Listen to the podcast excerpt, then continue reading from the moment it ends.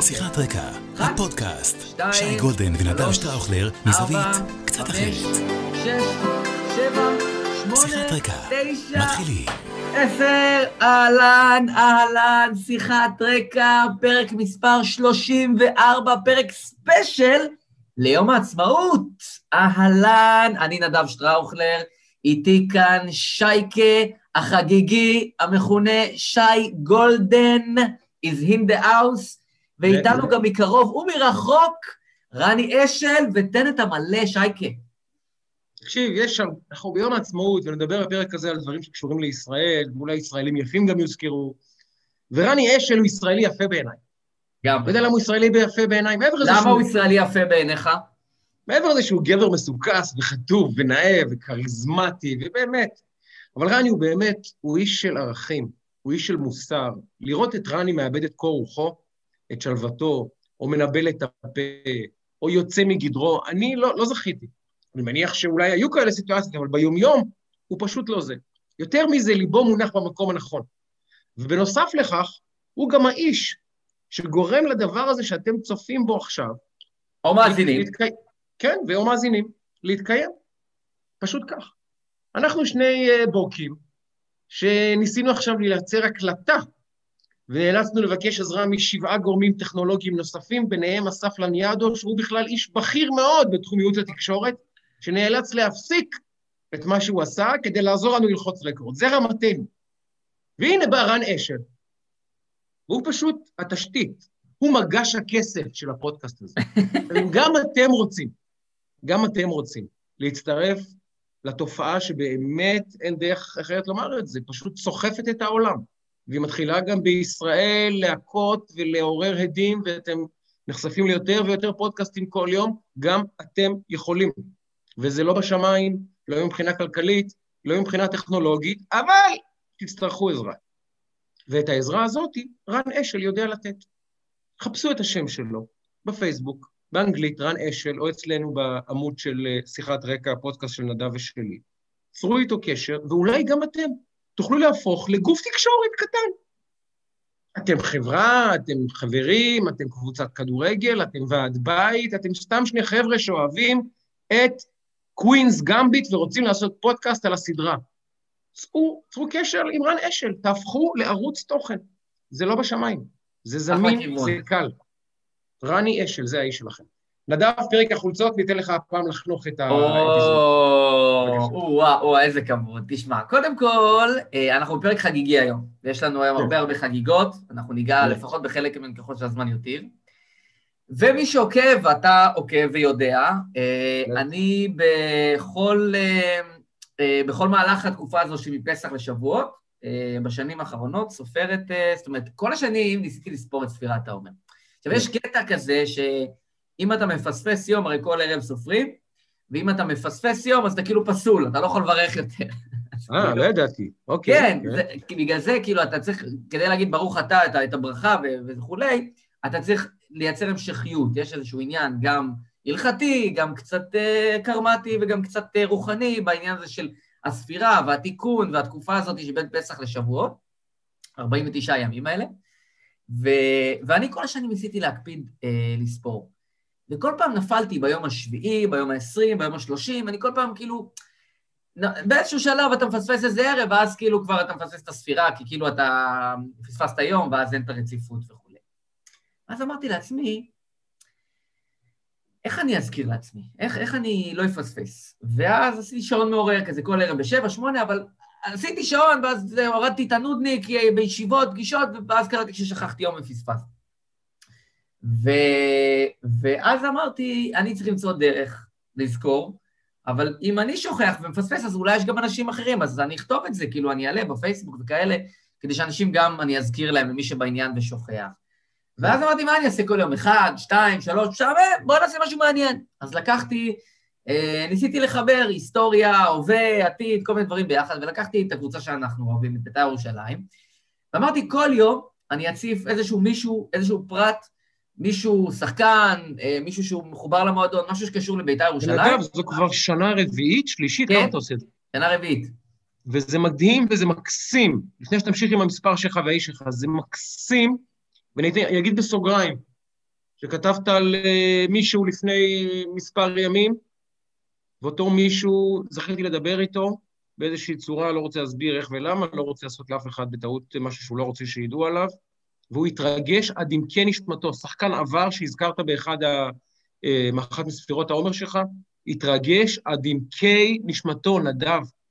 אחרי 20 או 25 שנה שהוא, 30 שנה שהוא לא בכותרות, והוא חי עכשיו חיים כמו כולנו, חיים אה, בורגניים, בסיסיים, מנסה לשרוד ביומיום, פתאום הצפת אותו, פתאום הוא קיבל טלפונים מחברים, ממשפחה, העבירו את זה בקבוצות וואטסאפ, פתאום הוא היה יכול גם מול הילדים שלו להגיד, תראו, אבא שלכם היה משהו. אתה עושה חסד גדול עם אנשים, תדע, אני אומר לך את זה. בלי קשר לזה שזה גימיק מדהים ומקסים ויפה, זה גם חסד יפה מאוד עם אנשים ורספקט, אחי. רספקט. אני אומר לך, זה, זה, זה אירוע של ווין ווין ווין, כי באתי במטרה מסוימת וזה עלה more than I was uh, thinking, מה שנקרא, כי במשך ארבע שנים האלה, ואני בעזרת השם מקווה שאני אקפיד עד סוף הספירה, אה, העליתי הרבה מאוד שחקני עבר, ובאמת הפידבק הזה שאתה מדבר עליו, אני קיבלתי אותו מהרבה מאוד כיוונים, משחקני עבר, שהעליתי אותם, אנשים אפילו שהם אה, היו בשנות ה-30 וה-50 וה-70 וה-80, ושחקנים שכבר הלכו לעולמם, והעליתי את זה, והמשפחות שלהם ראו את זה ושיתפו את זה, ודברים מטריפים שיצאו מזה, וכל מיני שיחים ממש מרגשים ומרתקים שיצאו בעקבות, באמת, הדבר הכביכול השולי הזה, שנהיה פתאום איזו נחלה מאוד רחבה, וכמובן אוהדי בית"ר ושחקני עבר. שבוע שעבר שיתפתי שחקן ברזילאי, אה, קלאודימיר פררה, הוא שיתף, הוא שיתף את זה, ומתחילים דיונים בברזילאית, מה קרה, מה האירוע. גדול, גדול, שלו, אני מספר תשע, העליתי אותו, אז פתאום מתחילים לאחל שם מזל טוב, השחקנים ההונגרים שהיו של ביתר, חשבו שיש להם הולדת. קיצור, הספירת העומר הזה נהיה... אגב, זה גם תזכורת לאוהדי ביתר הצעירים, שביתר לא התחילה באורי מגבו. לא שזה לא כבוד גדול, אבל ביתר לא התחילה באורי מגבו. היו כמה דברים לפני. אומר לי, אומר לי חבר... היו כמה אירועים. אומר לי חבר, שהוא בגילך גרוסו מודו, כן. שהבן שלו בגולני, ושנה שעברה הוא סיפר את זה לפני שנתיים, ואמר לי, תקשיב, כל, בוק, כל ערב, הבן שלי בשעת ת"ש מתקשר אליי, אומר לי, מה נדב העלה בפייסבוק עכשיו? הוא ככה מספר לו את הסיפור על בית"ר של פעם, כאילו, נוצר איזה משהו מאוד מגניב סביב זה. אז, אז uh, הערב אנחנו uh, סופרים, נספור, בסביב ממש יום העצמאות, אנחנו נמצאים בדיוק, ועל זה החולצה שלי היום, מי שמצליח... אל תרגש אותי, אל תרגש אותי מדי, אני חולה לב, מה זה? אוקיי. יש לי פה חולצה של הידס, הקבוצת היהודים באנגליה, שמה טוטנהאם, ואני היום... הוט ספר. טוב, מעניין. 18, 18, קלינסמן יורגן. אנחנו היום... החלוץ הברזילאי הראשון שהייתה לו בכלל... אה, הגרמני. דם גרמנית. כן, ברור. הוא החלוץ הברזילאי הראשון שהיה לו דם גרמני. כן. או להפך, הגרמני הראשון שהיה לו דם ברזילאי, לא בטוח. עכשיו, הוא, מי שזוכר, יורגן קלינסמן, אה, חלוץ נבחרת אה, גרמניה, הרבה שנים כמובן בכדורגל הגרמני, אבל גם בכדורגל האנגלי, בטוטנאם, הקבוצה, קבוצת היהודים של אנגליה, אפשר להגיד, טוטנאם, כן. הקבוצה שסובלת הכי הרבה, אוהדיה סובלים מהאנטישמיות הכי משמעותית שיש, הם נחשבים היהודים, הידס, וכמובן אה, לאורך השנים אה, גם רוזנטל שיחק שם, ובכלל יש להם קישור מאוד מאוד חזק ל, אה, ליהודים, לא בכדי. וקלינסמן, שגם היה אחר כך מאמן נבחרת ארה"ב, וקריירת אימון. וגרמניה, וגרמניה. גרמניה, כמובן. גרמניה הוא אימן, כן. הוא מספר 18, ואני כידוע, יש לי רגישות, רגישות יתר לחולצות צהוב שחור, ומי שמסתכל ורואה, יש פה את הסמל של התרנגול שלהם, טוטנאם הוטסטר. אז גם החולצה היא מרגשת, צהוב שחור ממש מגניב. 18 יורגן קלינסמן, אנחנו ביום העצמאות סופרים חי אה, ימים לעומר, אז אני עם 18, אה, חיבור גם של ספירת העומר, גם של יום העצמאות, שזה חג באמצע הספירה, שהיא בעיקרון ימים שלא מתגלחים וכל מיני דברים, זה איזה, איזה moment to shine כזה בתוך כדי התהליך. אז אני מחבר את יום העצמאות ואת ספירת העומר ואת הפרק החולצות שלנו עם יורגן קלינסמן. עכשיו, אני אוהד גרמניה הרבה שנים, ואתה חזק בבונדסליגה. גרמנים לא ממש יודעים, לא ידעו אף פעם איך לאכול את קלינסמן, כי צחקתי ואמרתי שיש לו דם ברזילאי. מסתכלים על החלוצים הגרמנים הגדולים לאורך ההיסטוריה, אה, גרד מילר, התחיל בשנות ה-70, היו גם בשנות ה-50, אבל באמת, פריץ ולטר, שחקנים שלא... לא, אה, את הצעירים לא נבלבל לגמרי. היו שחקנים גדולים גרמנים כבר מ-54, וב-70 נגיד גרד מילר היה אולי החלוץ הכי טוב בעולם. לימים גדלנו, התבגרנו, ראינו את רומיניגה, ראינו את הורסט רובש, עכשיו אנחנו רואים כמובן את, אה, את מילר הצעיר, ראינו שחקנים גרמנים גדולים. לא ראינו אף פעם חיה כמו קלינסמן. אנחנו יודעים איך נראה חלוץ גרמני. לא ככה. אורן קליסמן לא נראה כמו חלוץ גרמני. לא. לא על המגרש, וגם לא בתסרוקת, ולא בהופעה חיצונית, ולא בשום דבר. לא. בשפת הגוף, גם לא בסגנון האימון, גם לא בדרך שהוא מתראיין, הוא פשוט לא שייך ל... בטח, לא, בטח לא גרמניה של, של פעם, בטח לא גרמניה של שנות ה-80 וה-90. ורבים לא, יודעים, רבים לא יודעים שהעוזר הראשון שלו היה יוגי לב, יואכים לב, שהיה מאמן נבחרות הנוער של גרמניה. ובעצם מי שהטמיע את הכדורגל הגרמני החדש, התוסס, האטרקטיבי, כולנו זוכרים את, השהייה מול ברזיל, כולנו זוכרים תצוגות כדורגל שלא האמנו, מה זה גרמני? מה זה? מה זה הדבר? מה אנחנו רואים פה? כדורגל שוטפים את המגרש כמו, באמת, כמו ברזיל. זה קלינסמן התחיל. ויוכי לב, את, ה, את הפילוסופיה של כדורגל התקפי וכדורגל של להפעיל לחץ בחלק העליון של המגרש, ולחפש את השער בלי מנוחה, הרי פעם האגדה הייתה, הכדורגל משחקים 90 דקות, 0-0, בסוף הגרמנים ימצאו דרך לעשות את ה-1-0. לא, גרמניה לא משחקת על 1-0 יותר, וגרמניה באה לקרוע אותך. 3, 4, 5, היא רוצה משחק עם שערים. וזה קלינסמן. זה הוא, בנקודה בהיסטוריה של קלינסמן, הכדורגל הגרמני באמת עבר לפאזה שהוא נמצא בה היום. וזה...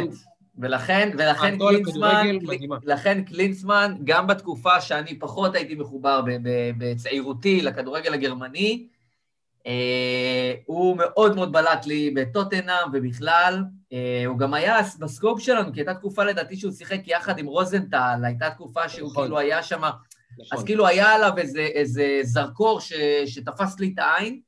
ואני, מאז יש לי הרבה כבוד והערכה לקליצמן, וכשהוא בצבע הזה, אה, וטוטנה, קבוצת היהודים, ב-18, זה מתבקש פשוט מבחינתי. שחקן גדול. אז אני עם יורגן, מה איתך? שחקן חכם.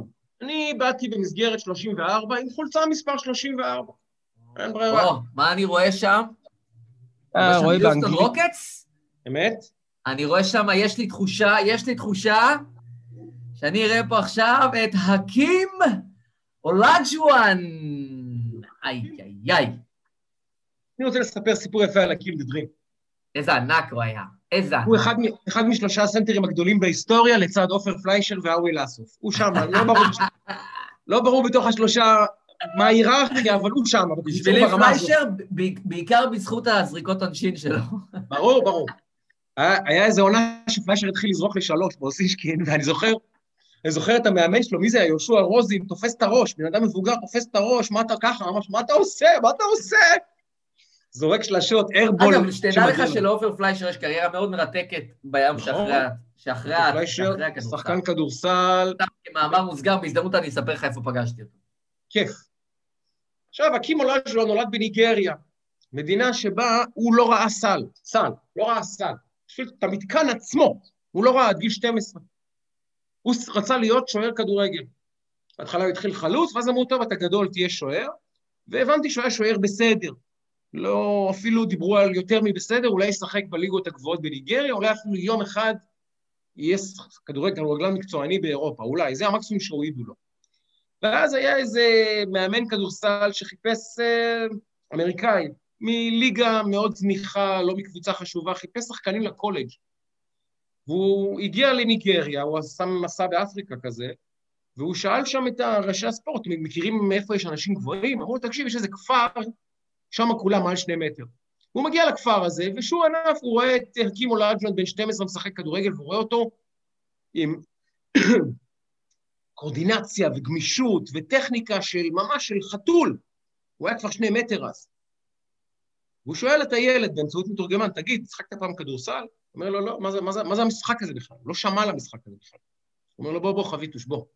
וה-NBA באותה תקופה קצת מתחיל להתפשט גלובלית, והוא, יש איזה מועדון, אה, יש איזה מחנה כדורסל כזה שה-NBA מקים, והוא הולך לשם, בגיל 12 לראשונה הוא רואה משחק כדור... אה, סל, הוא לא יודע את החוקים, הוא לא יודע כלום. sure enough, שש שנים fast forward, הוא מגויס על ידי יוסטון, שהיא מכללה לא מאוד חשובה. לא מאוד חשובה, לא הרוקטס, מכללת יוסטון. לא מאוד חשובה.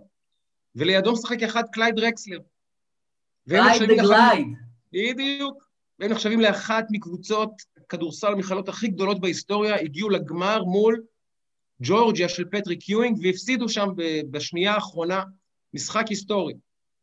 ובאותה תקופה להקים קוראים בכלל אקים, והוא ניגרי, מאמין באלוהים של, שהניגרים מאמינים בהם. ארבע, חמש שנים לתוך הליגה הוא נבחר מקום ראשון לפני מייקל ג'ורדן, זה היה הדראפט של מייקל ג'ורדן. הקים נבחר ראשון, שני סם בואי, אחד הבסטים הכי גדולים בהיסטוריה של הספורט ושאלת הטריוויה הכי מפורסמת בעולם, מי נבחר לפני מייקל ג'ורדן? סם בואי. ואז נבחר מייקל ג'ורדן. בכל מקרה, הקים, יש לו קריירת כדורסל מדהימה, והוא נחשב לאחד השחקנים הכי טכניים אי פעם, בטח לאדם במימדים שלו, 2-13, הוא היה 7-1. כל הסנטרים לפניו ואחריו אומרים, שחקן עם טכניקה כזאת, עם post, post games, עם יכולת לשחק הגנה והתקפה ברמה הכי גבוהה, לא היה מעולם. ובאמצע הקריירה הוא מחליט להתאסלם. עכשיו אתה אומר, אוקיי, איך זה קשור לסיפור? הנה הסיפור. צום הרמדאן וחג הרמדאן נופל תמיד בפלייאוף. סמוך לתקופת הפלייאוף, אפריל, מאי, יוני זה הפלייאוף בערך. תמיד על זה נופל צום הרמדאן.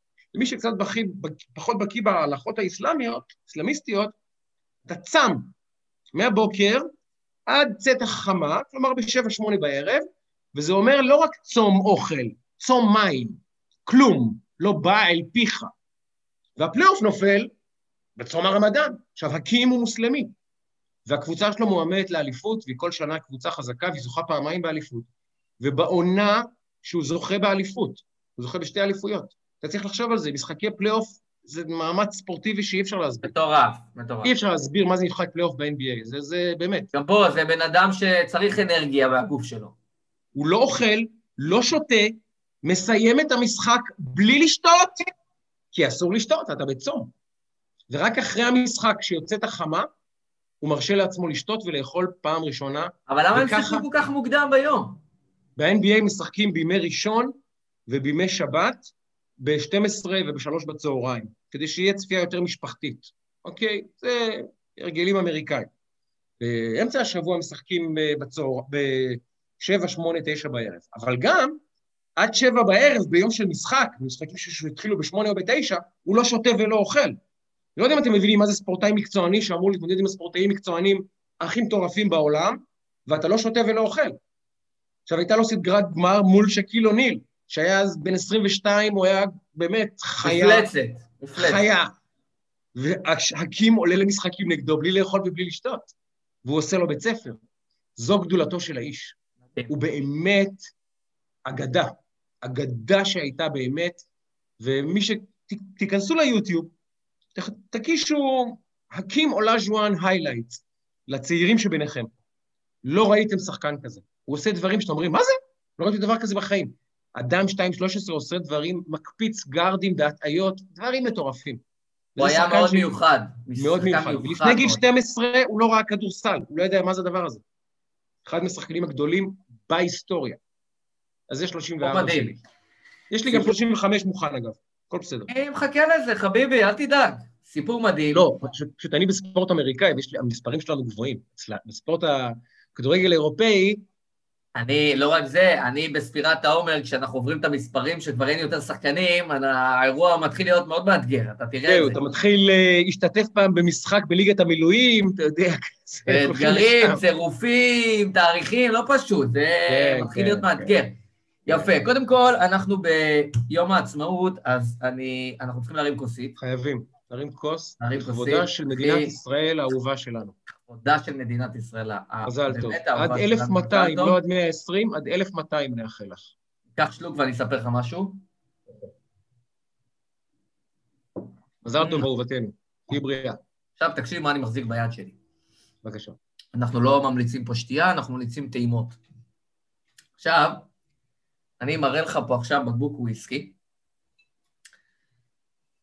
והוא כל כך רלוונטי להיום, זו ציונות במיטבה. הוויסקי הזה קוראים לו... ירושלמי קוראים לו? קוראים לו ירושלמי? כן. קוראים לו ירושלמי. קוראים לו ירושלמי. זו מזק... מזקקת או מזקקת? איך אומרים? המילה... מזקקה, מזקקה. אוקיי, זו מזקקה ירושלמית, ישראלית כמובן. זה וויסקי מעולה ברמות שקשה לי להסביר לך, אני אסביר לך כי, אני אגן, כי כבר הבקבוק בדרך אליך, אבל אה, זה אה, מזקקה ירושלמית, אסלית, של בחור בשם ניתאי מורגנשטרן, שהתקשר אליי שבוע שעבר, ואני רוצה לספר לך את הסיפור. ספר. אני מזמן כבר אמרתי לו, אחי, כי הוא עובד על זה, זה, זה עמל כפיו, הוא השקיע בזה את חייו ואת נשמתו. ו... ואמרתי לו מזמן, כשהוא כבר היה בתוך העניין, אמרתי לו, אחי, אני רוצה בקבוק. אני אוהב וויסקי, אני רוצה בקבוק שיהיה מוכן. שכבר אתה חביות רצות ושאתה בתוך העניין, והוא עבד על זה, זה, זה תקופה, זה לא חודש-חודשיים, זה הרבה יותר, ברור, זה בשנים. לוקח שנים לזקן, שנים. ליישן, לכל התהליך. ואמרתי לו, אני רוצה, ומתי שזה... השבוע הוא מתקשר אליי, הוא אומר לי, אחי, אני ברחוב שלך בפלורנטין. אני ברחוב שלך, אני רוצה להניח, אני רוצה להוריד לך בקבוק. אמרתי לו, אני לא בבית.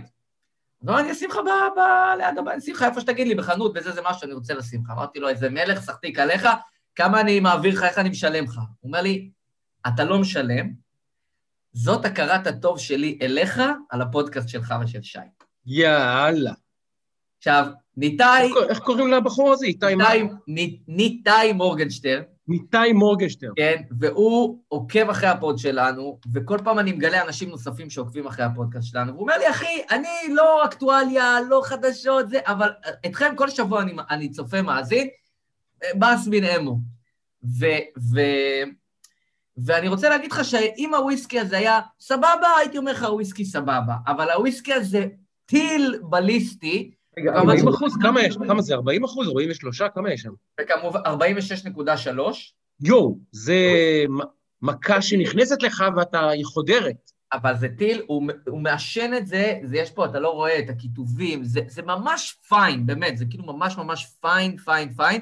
זה וויסקי מעושן טיפה, הוא, אה, אה, הוא בעצם עשה את זה בקסקים כאלה של, של בירות, הוא הוא עישן את זה בביר, ב... ב, ב, ב בחביות של בירות. כן? כן. ויש לזה טעם פנטסטי, ואני אוהב וויסקי וזה טעם פנטסטי, הוא סיפר לי שיש השם שלו ירושלמי? וויסקי ירושלמי, ככה קוראים לזה, אני ממש לא רק ממליץ, אפילו מפציר בכם. אה, מי ש... רגע, הוא נמצא- הוא נמצא בחנויות המשקאות וכאלה? שאלה טובה, אני לא יודע, צריך לחפש. אני הזמנתי ממנו כבר שלושה בקבוקים, אחד מהם אה, יגיע אליך, רק שתדע. תזמין- אז תזמין גם לי, תודה רבה. קבוצה, חביבי, הוא אמר לי, אני רוצה שגם שי, כאילו, זה לא רק אני, זה הפודקאסט, אז גם רני. אז אז, אה, אה, מורגנשטרן, בלי קשר לפודקאסט, כל הכבוד, אני רוצה להגיד לך, וויסקי ישראלי זה מצווה. ממש. וויסקי ישראלי, ואני מניח שיש לך את הגניוס היהודי בתוך בין האוזניים, ואת הכישרון הישראלי, וגם את הרוח היהודית, ואם הצלחת להכניס לתוך הוויסקי את הישראל, ואת איתי מורגנשטרן, ואותנו היהודים, אז זה וויסקי שנראה לי כל לגימה שלו היא זהב.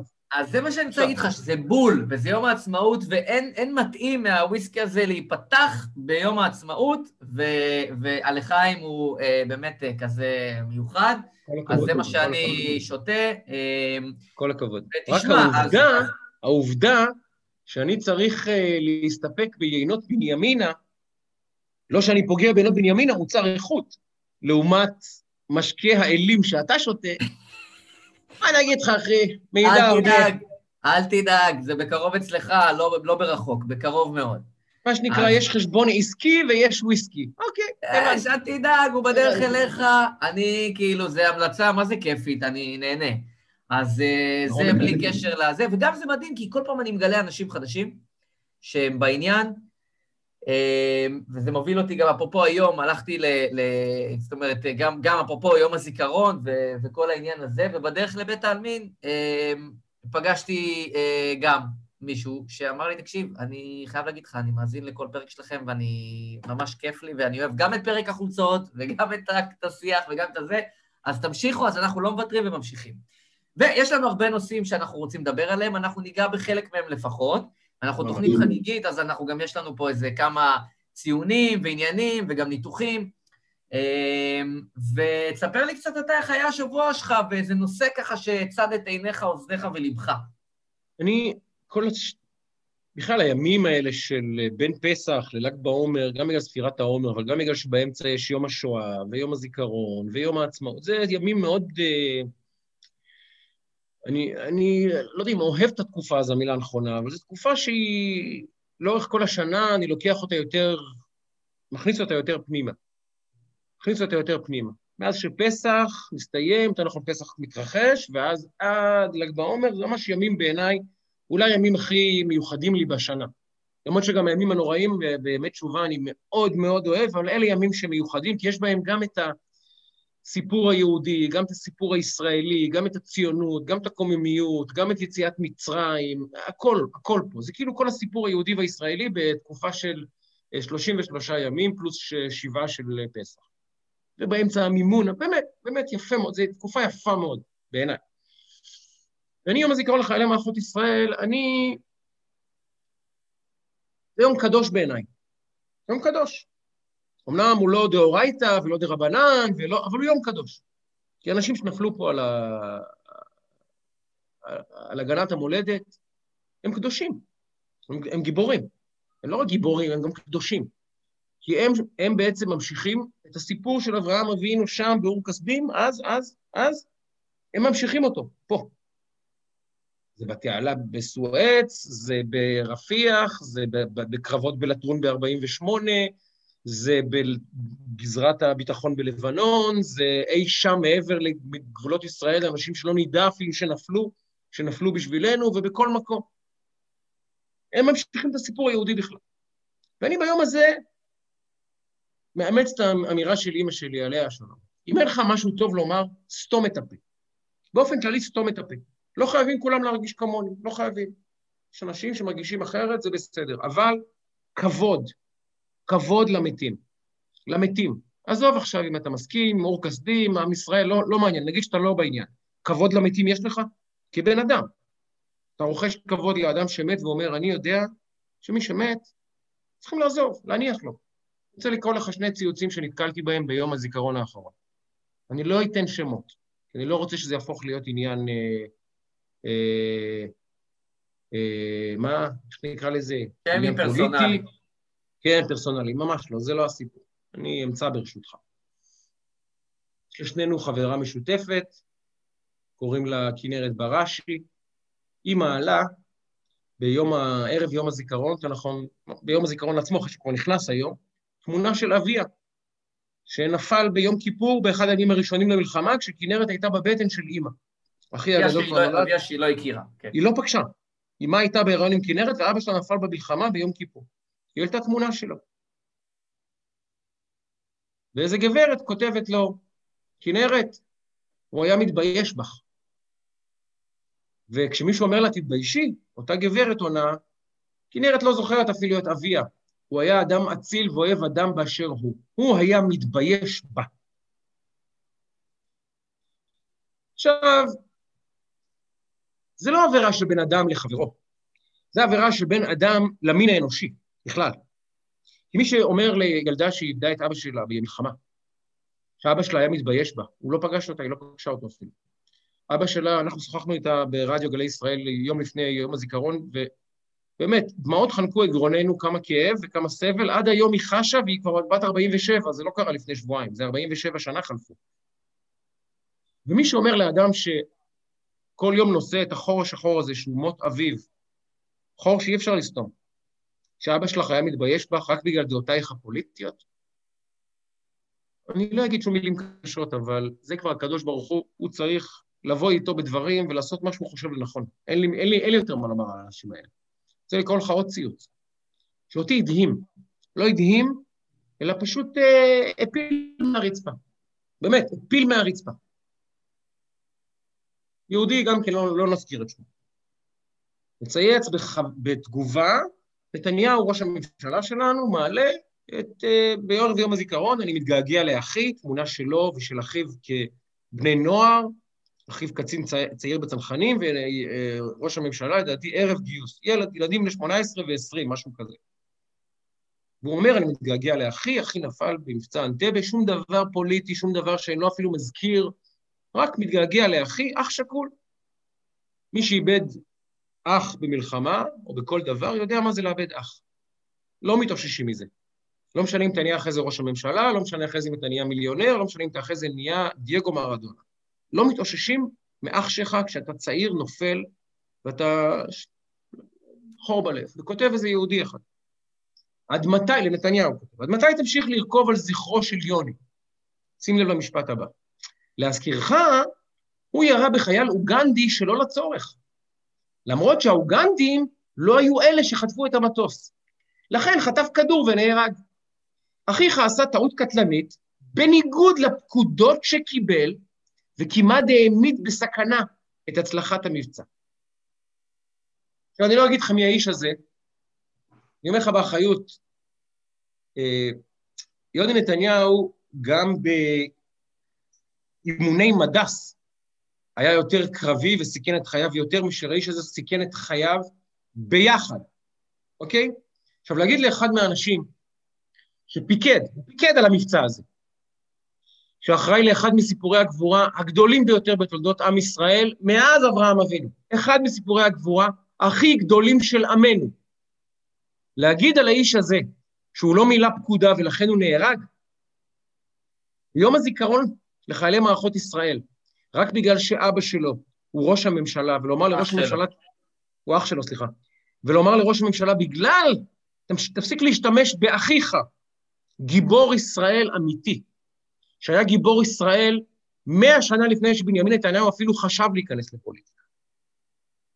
להגיד על האיש הזה עכשיו, הוא לא מילא פקודות ולכן הוא נהרג, זה בכלל אשמתו, הוא כמעט סיכן את המבצע. מפקד המבצע, אחד המפוארים בתולדות עם ישראל והעם היהודי. האיש הזה, אני עכשיו אצטרך להשתמש במילים פחות עדינות. אני מקווה שיש מדור בגיהנום ששמור לו.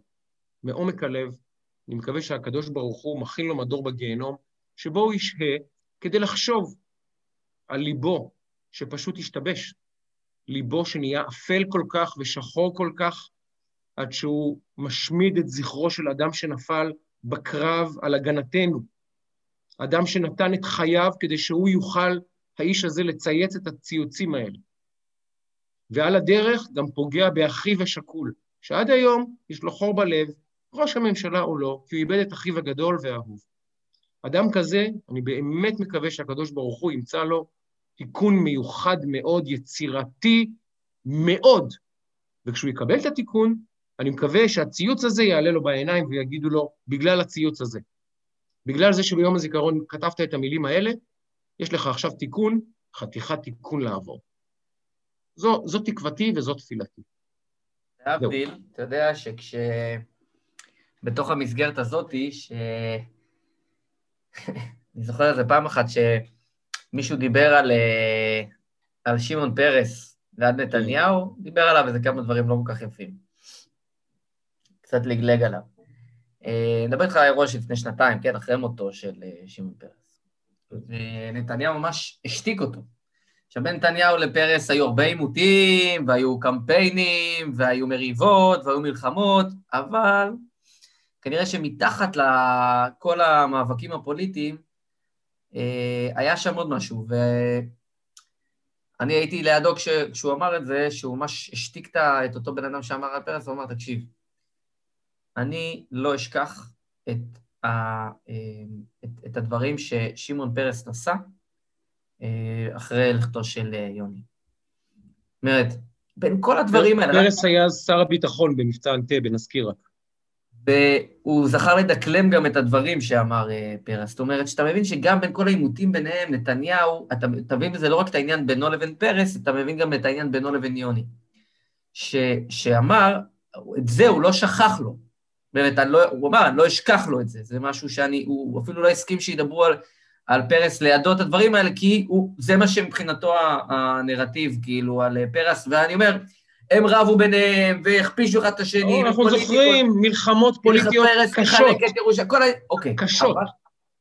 אבל תשים לב, זה, זה רק מראה לך כמה האירוע הזה של יוני, וכמה האירוע של המשפחה, וכמה זה, זה עוצמתי ואמיתי אה, אצל נתניהו, וכשאתה רואה אנשים שאומרים את הדברים האלו, שאני שומע על איזה משהו, הכל פוליטי ופוליטי, ואנשים שנכנסים אליו אומרים לפוליטיקה, זה פוליטיקה, הוא גם אח שכול.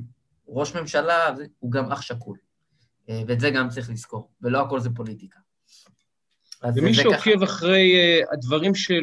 Uh, שכותב גם אבנר, הבן, ו- ו- ויאיר, הבן, תראו, אפשר להרגיש את הכאב, וגם הם, יש להם כאב אנושי, אמיתי.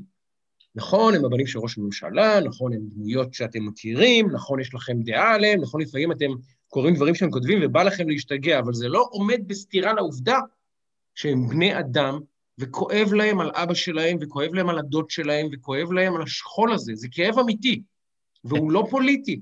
זה כאב, כי מתחת לפוליטיקה, מתחת להכל, הכל, הכל, הכל, הכל, הכל, יש בן אדם לב, יש לבן אדם לב. ומי ששוכח את הלב האנושי, ביום כזה, הוא אדם בלי לב, בעצמו. ולצערי, יש פה במדינה כמה אנשים שאיבדו את הלב. ואגב, ראיתי גם משמאל, לצערי, דברים קשים מאוד שנאמרים על אנשים שנפלו בצד, סליחה, גם, גם בצד ימין, סליחה, ראיתי דברים קשים שנאמרו על אנשים שנפלו מצד שמאל.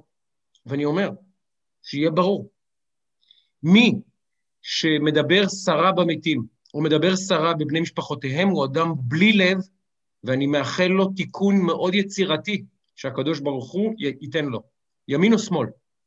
לא מדברים סרה במתים ולא פוגעים באדם שאיבד בן משפחה. נקודה. קו שחור, זה לא קו אדום, זה קו שחור, לא חוצים אותו. ומי נכון, שחוצה אותו בשביל פוליטיקה, אני, אין לו יש לב. דברים שהם, יש דברים שהם הרבה מעבר לימין, שמאל, כל מיני שטויות ופוליטיקות קטנות, ואני רוצה לקחת אותך אבל למקומות קצת יותר פוזיטיביים, חביבי. קדימה. העצמאות. או-אה.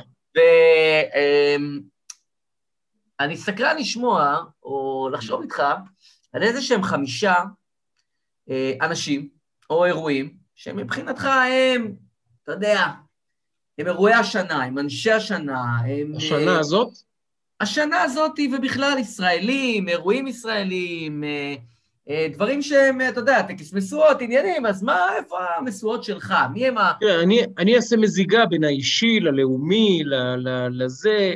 בעצם, אנחנו נקרא לזה starting five. כן, דברים ואנשים בישראל, בישראל שהם, שאני אוהב ושהם בעיניי מאוד ישראלים והם מחברים אותי לישראל. לך על זה. אני רוצה להתחיל דווקא ברב אור זיו, אדם שאליו נחשפתי באמצעותך לפני אה, כמה חודשים. עכשיו, נדב הכיר את אה, הרב אור זיו, אה, הוא הזכיר אותו פעמים רבות באוזניי, ותמיד אמרתי, אני אשמח אה, להכיר אותו, להתוודע עליו, לפגוש אותו, ואז הרב אור זיו שמע שיש לי בעיות רפואיות, והוא אמר, היהודי הזה צריך שיחליפו לו מזוזות. ואז היהודי הזה, נוסע את כל הדרך, הוא גר ליד ירושלים, מה שמיישוב שהוא גר בו? בירושלים, בקטמון. בירושלים, אחרי שהוא גר ביישוב, הוא גר- נוסע מירושלים, על דעתו, לאור עקיבא, נסיעה של שעה וחמישים דקות, ללא פקקים. ובידו מזוזות, הוא בודק את המזוזות, את אלה שהן פגומות ופסולות, הוא מחליף בתקינות, על דעתו. אני לא מבקש ממנו את זה. הוא על דעתו אומר, אתה צריך מזוזות תקינות. לאחר מכן, מגיע ערב ליל סדר. והוא על דעתו שוב. מנסה ליצור איתי קשר ממש ערב ליל הסדר, לשאול אותי אם אני אוכל לקבל מנה אה, שמורה, להיות בבית לקבל מנה שמורה, ואני בים. ההודעות שקיבלתי... מצה שמורה, סליחה. ואני בים ההודעות שקיבלתי, סליחה, איכשהו זו התפספסה לי, קיבלתי איזה 300 הודעות באותו, זה היה איזה יום סוער, איכשהו זו ברחה לי, ולפתע דפיקה בדלת. ערב פסח נכנס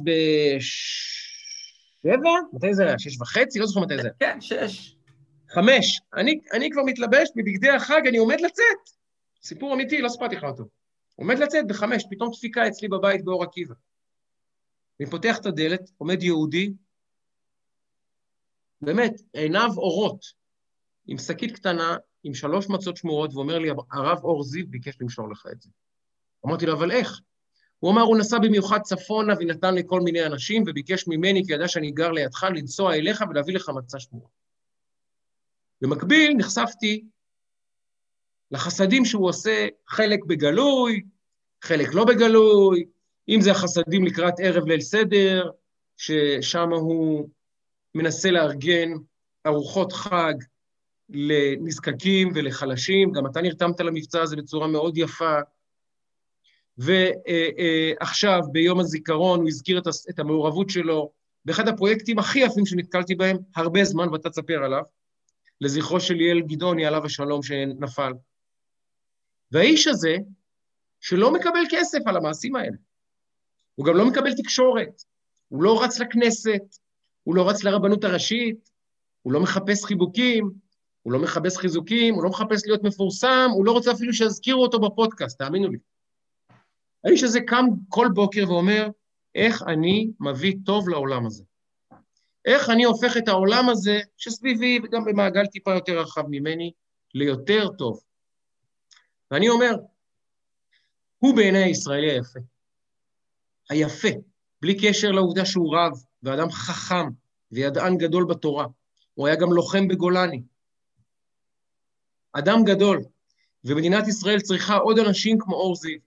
והוא בשבילי הישראלי היפה, ובשנה הזאת הוא חייב להיות ב top five שלי. אז כבוד הרב, תודה רבה גם על המזוזה, תודה רבה על המצה השמורה, והרבה הרבה הרבה מעבר לזה, תודה על כל החסדים שאתה עושה לעם ישראל, בלי לקבל שום דבר בתמורה ובלי לצפות גם לשום דבר בתמורה. מגיעה לך תודה מכולנו. לגמרי, והרב אור, אני... ספר רק על הפעילות של... ספר על הפעילות ליאל גדעון. אני לא רוצה להאריך יותר מדי, למרות שזה באמת ראוי. גדעוני, סליחה, כן. אה, הוא שליח חב"ד, אה, וחב"ד זה חיים של שליחות, אה, ושליחי חב"ד בארץ ובעולם עושים חסדים אדירים, ומצוות גדולות מאוד. אני מאוד מחובר לזרם הזה מהסיבות הנכונות במיוחד. כן. והרב אור הוא באמת, הוא בשפיץ של הדבר הזה, ממש. ואני אספר בהזדמנות גם על סיפור היכרותנו, כי הוא באמת אה, השגחה פרטית מדהימה ויוצאת דופן, שחובקת עולם אגב, אה, ובאמת אה, סיפור מדהים, אה, אבל, אבל זה בפעם אחרת, אני רוצה על האנקדוטה על, ה, על הסיפור של אה, ליאל גדעוני. ליאל גדעוני, כן. אה, הוא עושה פרויקט, אה, יוצא, באמת יוצא דופן, שנקרא ארוחה עשר, ליאל גדעוני, ודיברנו עם אימו מזל השבוע ביחד ברדיו בגלי ישראל.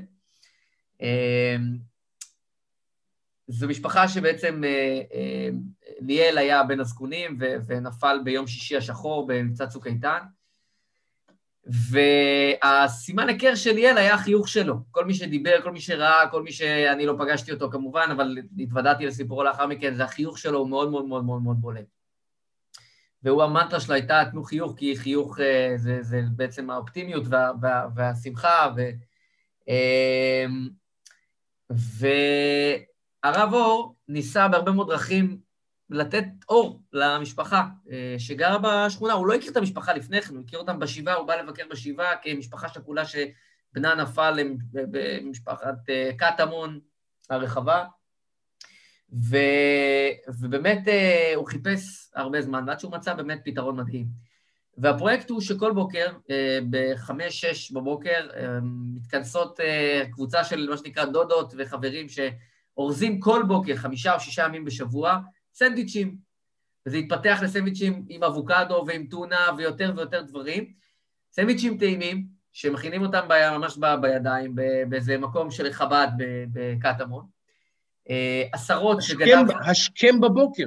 השכם בבוקר. השכם בבוקר, דבר ראשון בבוקר. כבר הפך למאות סנדוויצ'ים, ברוך השם. ו... והן מכינות את הסנדוויצ'ים, הן מביאות אותם, אה, יש שליח שבא ולוקח עד לפתח בתי הספר בשכונה, בתי הספר הפחות אה, מבוססים כלכלית נקרא לזה. כן, כן. והם מגיעים עד לשער של בית הספר, והשומר מביא את זה לחדר המורים, והמורות והמורים יודעים למי חסר ומי צריך, והן שמות, המורות שמות בעצם בלוקרים, לכל מי שצריך, סנדוויץ' שמחכה להם, וכשהם יוצאים להפסקת עשר, מדהים. שיש להם עוד יום ארוך והם צריכים קצת לאכול ולהזין את עצמם, אבל לא שפר גורלם ואין להם, יוצאים ללוקר ומחכה להם שם סנדוויץ', והסנדוויץ' הזה עטוף עם החיוך של ליאל, אה, ובעצם זה הדש של ליאל, אה, ועובר בעצם החיוך שלו להרבה מאוד ילדים שנתקלים בו בעצם כל בוקר, ומעלה על, על השפתיים שלהם חיוך, וככה הם יכולים לאכול בבוקר. מה, זה אחד הפרויקטים הכי רגישים, איזה פרויקט, איזה רגישות. איזה תבונה, איזה דרך ארץ, איזה אור, איזה אור, איזה אור יש בפרויקט כזה, ומי שהוגה אותו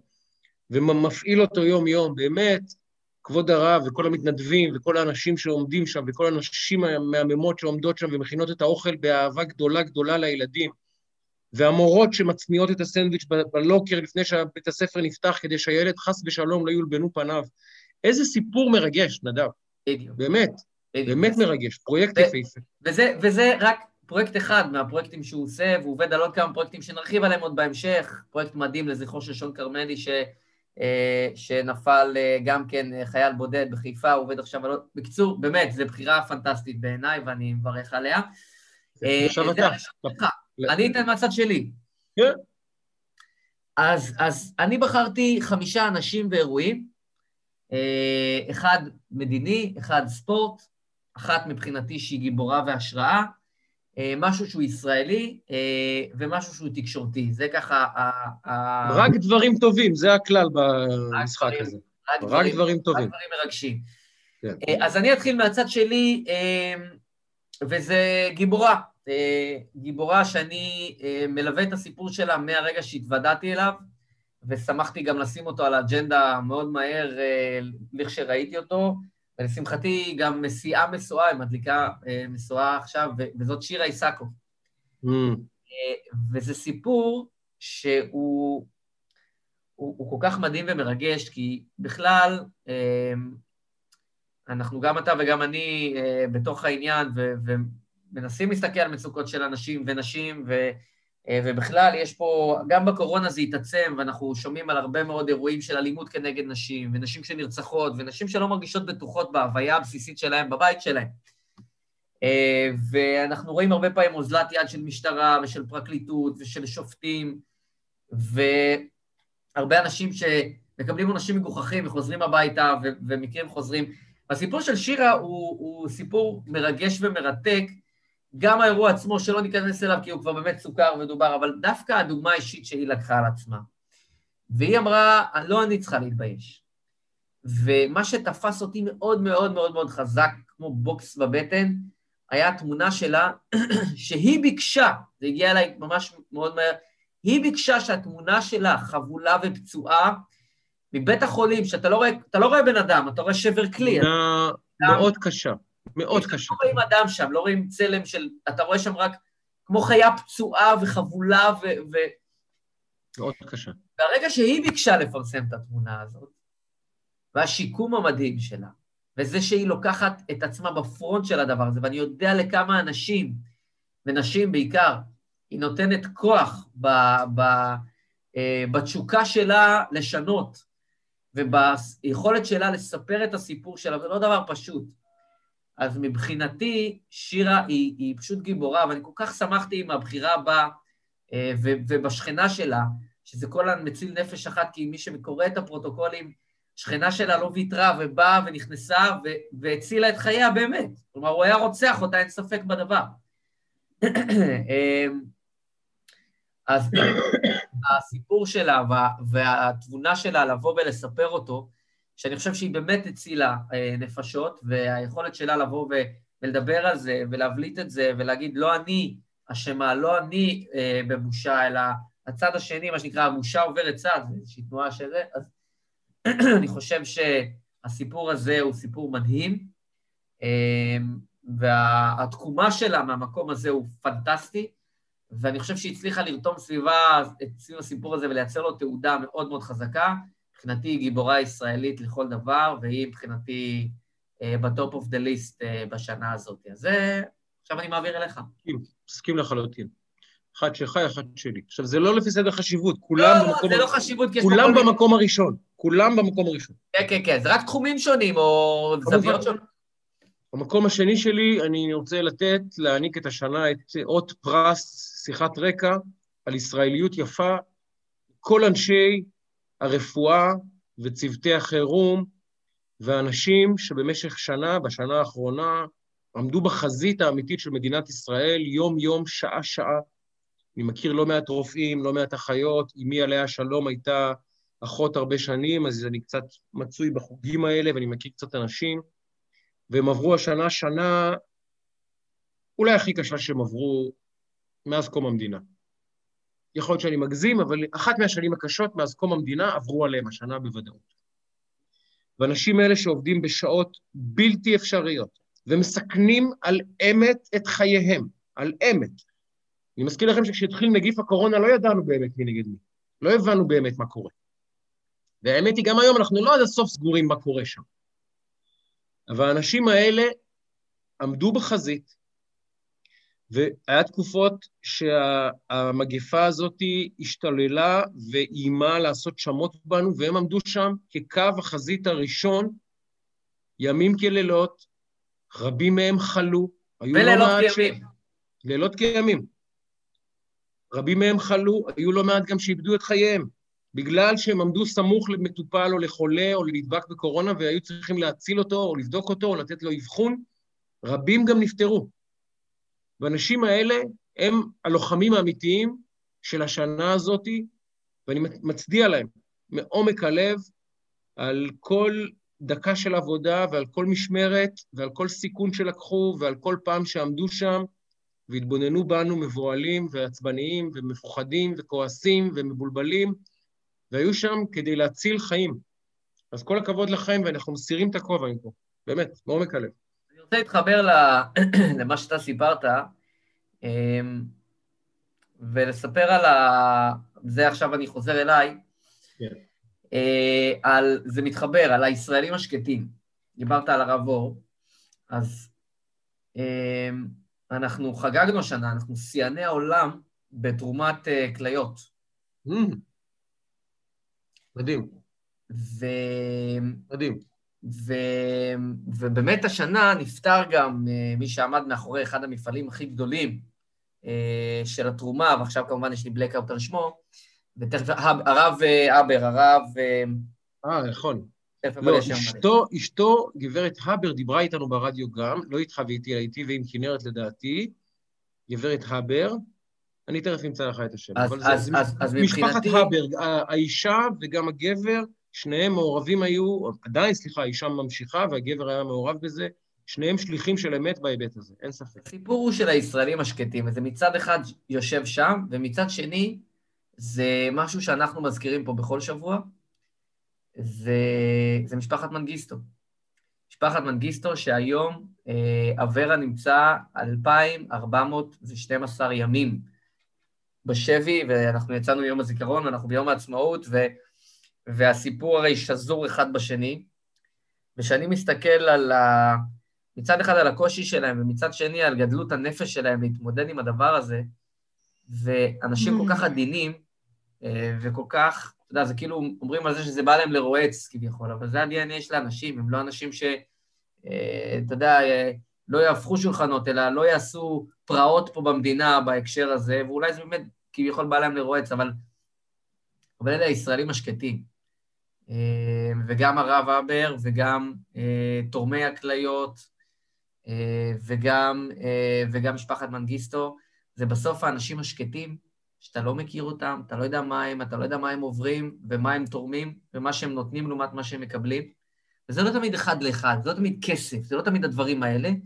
אז מבחינתי הישראלים השקטים, אה, ובוודאי משפחת מנגיסטו, שאנחנו אה, שולחים להם מכאן חיבוק מאוד מאוד גדול, ואנחנו נמשיך להזכיר כאן בכל שבוע אה, עד שהעניין הזה ייפתר, ובתקווה שזה יקרה מאוד בקרוב.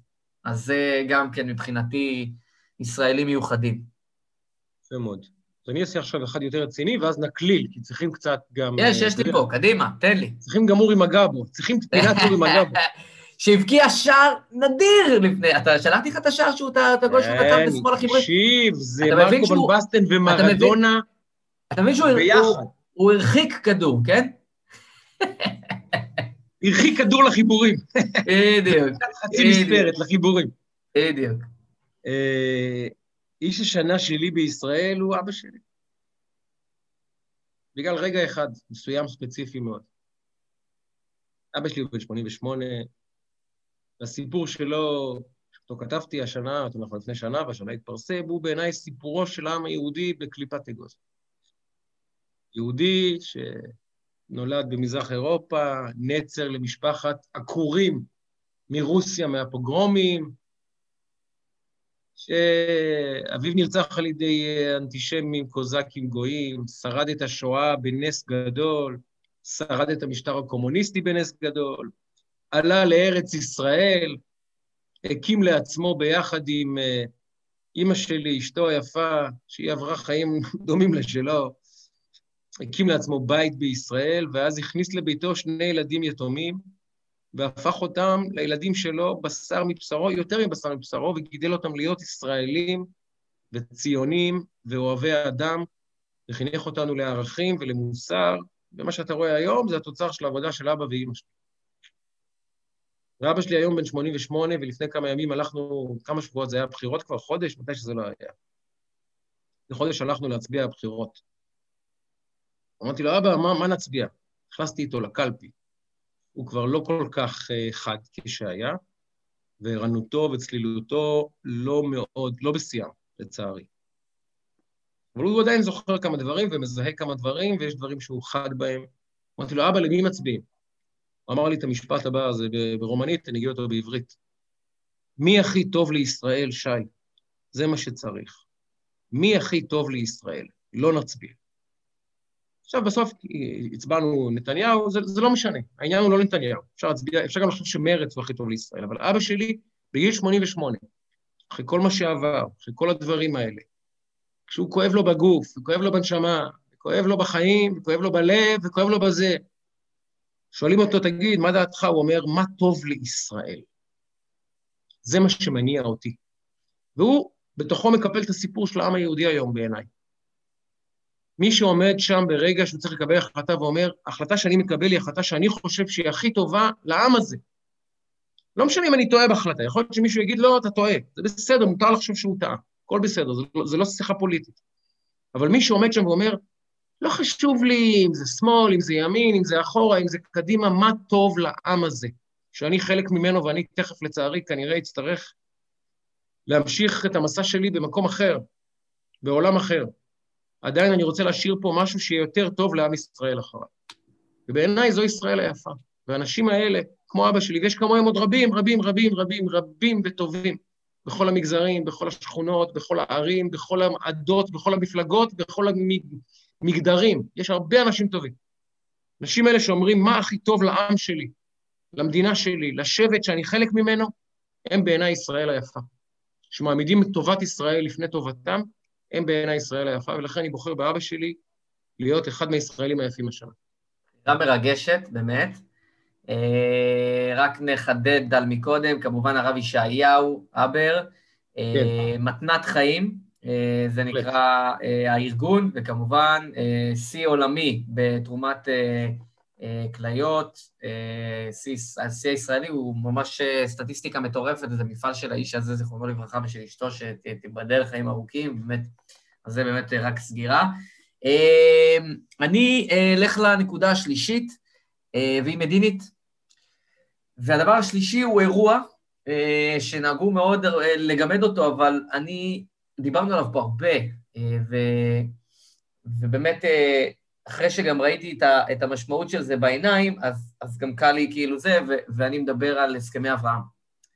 הסכמי השלום אה, של מדינת ישראל אה, עם מדינות המפרץ, מדינות מוסלמיות, ערביות, אה, שבעיניי, בראי ההיסטוריה, זאת שנה דרמטית. כאילו, אנחנו כאילו, זה לפעמים קצת עבר לידינו, אבל זאת לא עוד שנה, אה, גם בהיבטים של הקורונה, אבל גם במה שנקרא היחסים הבליטריאליים שלנו, אה, עם האמירויות, עם סודאן, עם מרוקו, עם בחריין. אה, זה, זה, זה אירוע שמקפל בתוכו היסטוריה עצומה, ושנייה רגע להתרומם מהעניין של ביבי לא ביבי. אני הייתה לי הזכות בחודש שעבר להיות בבחריין, באיזשהו אירוע שיש לו כמובן ערך למדינה וגם עניינים כלכליים כאלה ואחרים. פגשתי את האנשים, אני לא יכול להרחיב יותר מדי על הביקור, אבל פגשתי את האנשים, וראיתי את רמת ההתפעלות שלהם אה, ממדינת ישראל, ולא בשביל להחניף, או לא בשביל חנופה, או זאת האמת, ככה הם רואים את הדברים. ו- ואני חושב על זה ש...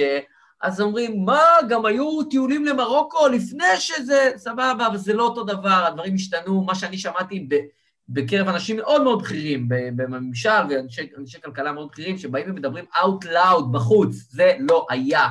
ולדקלרציה, מי שמבין טיפה ביחסים בין מדינות, יש משמעות דרמטית, ולראות את זה מקרוב, להיות בבחריין עם דרכון ישראלי, אה, ועם חתימה של בחריין, של מדינה שאני לא חשבתי שאני אגיע אליה, באמת, לא חשבתי. ולהתקבל שם באופן הזה כישראלי, ולהגיע לבית כנסת. שבוע נערך שם טקס זיכרון ליום השואה. אתמול צייץ אה, בכיר במשפחת המלוכה ציוץ השתתפות בצערנו ליום הזיכרון. נכון, של האמירויות, כן. של האמירויות, סליחה. זה, זה לא מדע בדיוני, זה לא, אה, לא יודע מה, סרט טבע מנשיונל גיאוגרפיק, זו המציאות. זה לא חלום. זה מדהים. זה לא דמיון. זה, זה לא מדהים. נכתב באיזה חזון בשנות ה-30, יום אחד ישבו פה גוי על גוי חרב, לא ייסעו. זה קורה מול העיניים שלנו. רק אומר. זה, זה, זה, זה מדהים ומרגש, ואני אומר לך, הייתה לי הזכות, הייתה לי הזכות לבוא ולראות את זה באמת מקרוב, ולראות את ה... את ה מה שראיתי והראיתי לעברי בטלוויזיה, את הסכם השלום הראשון שלו, ויגידו, אבל לא היה לנו את המלחמה, וכל מיני קשקושים, פשוט לא מעניין.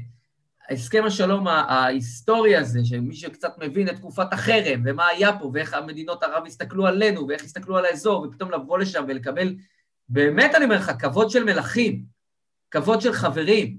ולי נאמר על ידי אדם מאוד מאוד בכיר שמה, שלוש פעמים, Welcome to Bahrain, your second home.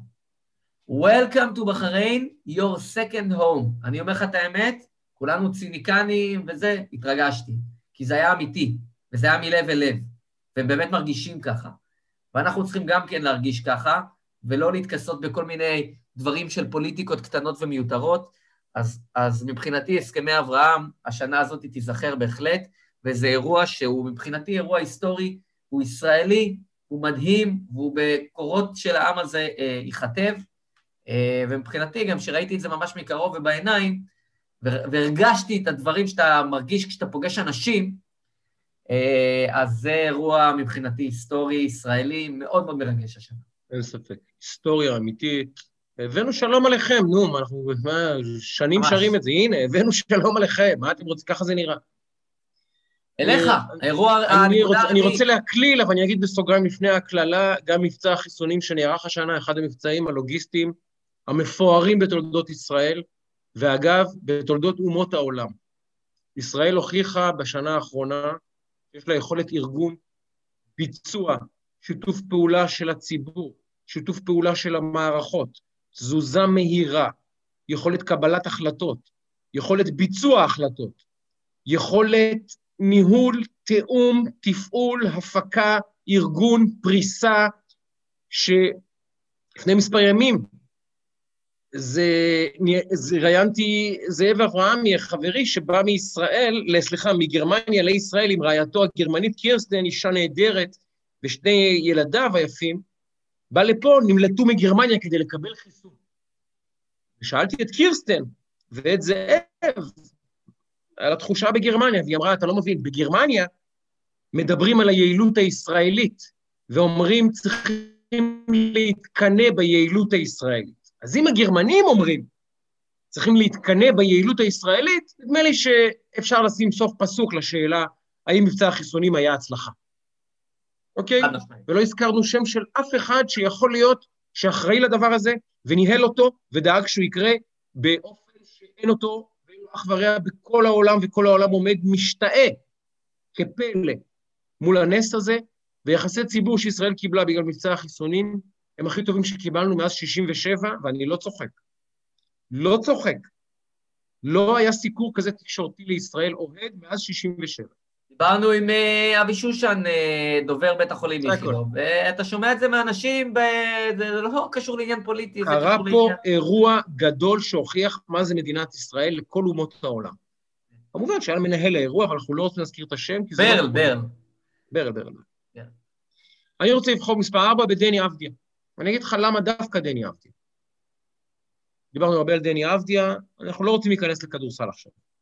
רק אגיד שהוא נמצא בסיטואציה ספורטיבית מאוד קשה, בין הכי קשות שהוא היה יכול ליפול אליהן. הכי קשות, באמת. אבל מה שאני אוהב בדני אבדיה בשנה הזאת, זה הוא נכנס לישראל, סליחה, ל-NBA, עם שם, אה, איך נאמר את זה בעדינות? סרבי. אבא שלו הוא סרבי. אבא שלו הוא נוצרי, קתולי, פרוטסטנטי, לא, לא, לא, לא סגור על מה הסרבים, או קתולים או פרוטסטנטים, סלחו לי. אמא שלו יהודייה. והזהות שלו, הזהות שהוא בחר, הוא יצא ל-NBA, לוושינגטון. יותר קל להיות סרבי בוושינגטון מאשר ישראלי. יותר קל להיות באופן כללי בעולם, בעל שורשים יוגוסלביים, סרבים, מאשר שורשים יהודיים וישראלים. יותר קל להיות קתולי בארצות הברית מאשר יהודי אומר לכם, למרות שארצות הברית היא לא מדינה רעה ליהודים, עדיין יותר קל להגיד אני קתולי ואני סרבי. אבל דני עבדי אמר לא, לא, לא, לא, לא. אני ישראלי. זו הזהות שלי, הכחול לבן הוא הדגל שלי, ואני לכל מקום שאני הולך, אף אחד לא יגיד, שחקן הכדורסל החצי סרבי, חצי ישראלי, כמו שיש הרבה שחקנים בעולם שאומרים הוא חצי בלגי, חצי קרואטי, חצי טורקי, חצי גרמני, חצי... לא, לא, לא, לא. דני אבדיה קיבל החלטה, הוא אמר, אני ישראלי, וכשאני יוצא, אני לא רק בישראל ישראלי, וזה המבחן של ישראלי. מה אתה עושה בחוץ? האם אתה נושא דגל ישראל בגאון ואומר, אני ישראלי, או שאתה מתחיל למלמל מלמולים כאלה? כן, לא יודע. הוא אמר, אני ישראלי, אני יהודי, וביום השואה האחרון הוא עלה למשחק, זה יום חילוני, זה לא יום קדוש, מותר לשחק. הוא עלה וכתב, יזכור את ששת המיליונים על הסניקרס שלו. כדי להזכיר לכולם. שזכתה, תמונה שזכתה לתעודה מטורפת בארצות הברית, צריך להגיד. ללא ספק. ובעיניי, דני אבדיה, בלי קשר למה יקרה בקריירה שלו, אני מאחל לו מעומק הלב, הוא בסיטואציה ספורטיבית מאוד מורכבת, מאוד מורכבת. אבל אם יש אדם אחד בישראל שהיה לו סימן שאלה לגבי האם דני אבדיה הוא כחול לבן באורגינל, אני מקווה שהיום הוא יודע שדני אבדיה הוא ישראלי מאה אחוז, ויותר מזה, ישראלי גאה, ואני מצדיע לך, דני, ומאחל לך הצלחה מעומק הלב. מעומק הלב. יפה, יפה מאוד. אני מתחבר לזה גם כן מהכיוון של הספורט, ואתה כבר יודע את מי אני הולך לשים פה בעניין הזה. ו... בהחלט. ואני אמרתי לך... מתחיל במ"ם? מתחיל במ"ם? לא? בדיוק. לא, לא, לא, לא מגע בו. יש לך קראש עליו, על מנור.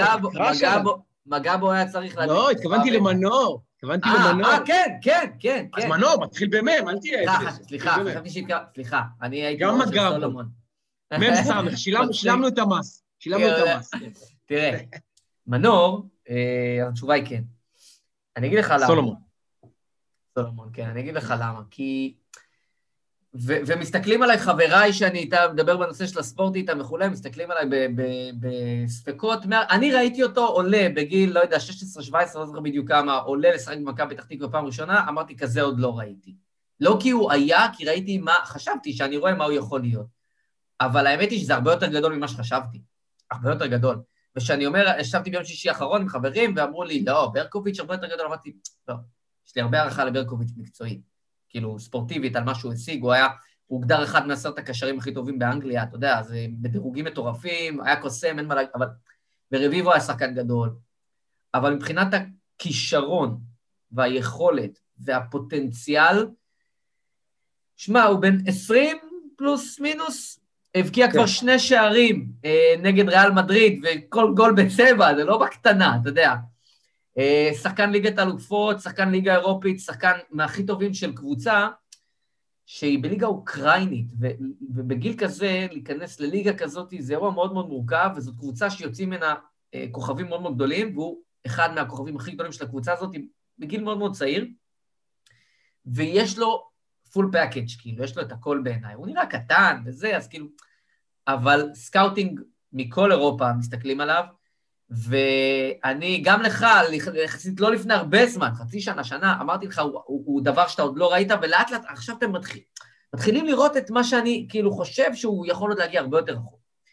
ובעיניי הוא בדרך, שנה הבאה כבר, אה, לקבוצה ברמת ארסנל, רומא, קבוצה שהיא כאילו דרג שני, אבל בטופ של הכדורגל העולמי, וזאת תהיה רק עוד תחנה, כי הוא יהיה שם שנה, שנתיים, שלוש, והוא יגיע לקבוצה כמו מנצ'סטר סיטי, הוא יגיע כמו, כמובן בעזרת השם שלא ייפצע וכולי.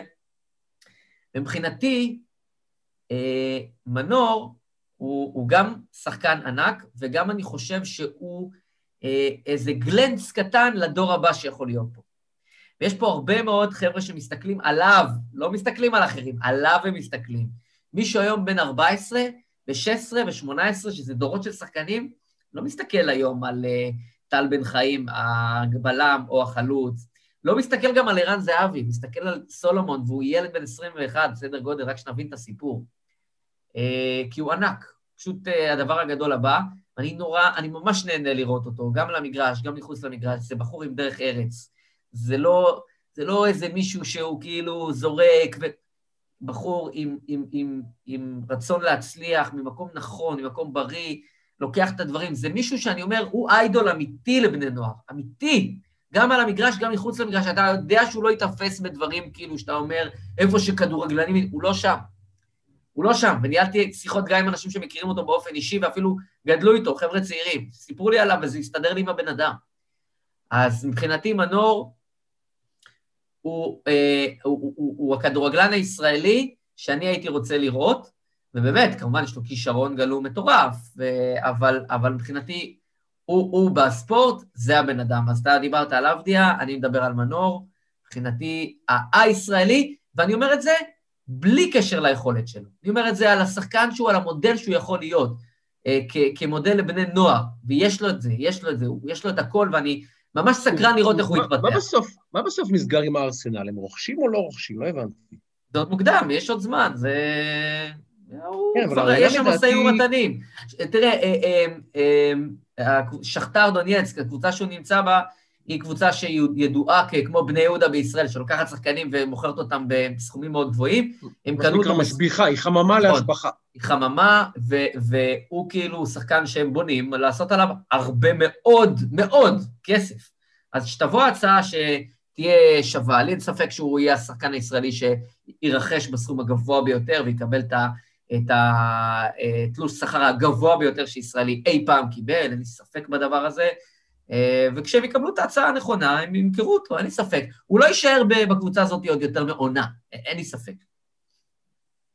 אז אה, מנור, מנור סולומון, זה הספורט. שלך החמישי, וזה האחרון. האיש החמישי הוא שוטר בשם רפי. לא יודע מה שם משפחתו, כי שכחתי, לא פספסתי, לא הצלחתי להסתכל על הנמטג מספיק. לפני uh, שבועיים או שבוע, בדיוק יצאנו מהסגר, היה איזה יומיים שלושה, ש... זה היה בחול המועד, פסח. כל המדינה הייתה פקקים קיצוניים, אבל כל המדינה הייתה בכביש, כאילו קלינטון בארץ ועצרו את המדינה. אתה זוכר את הימים האלה? עצרו את המדינה, קלינטון בארץ. בטח. עצרו כזה, כזה תנועה הייתה. ואני נוסע לי בכביש החוף לכיוון ביתי, נסיעה שבאמת יציאת מצרים הייתה באמת קוויקי לידה. משהו קיצוני ממש. ואני נוסע, משתעשע, עומדים, פשוט עומדים, נוסעים קמ"ש.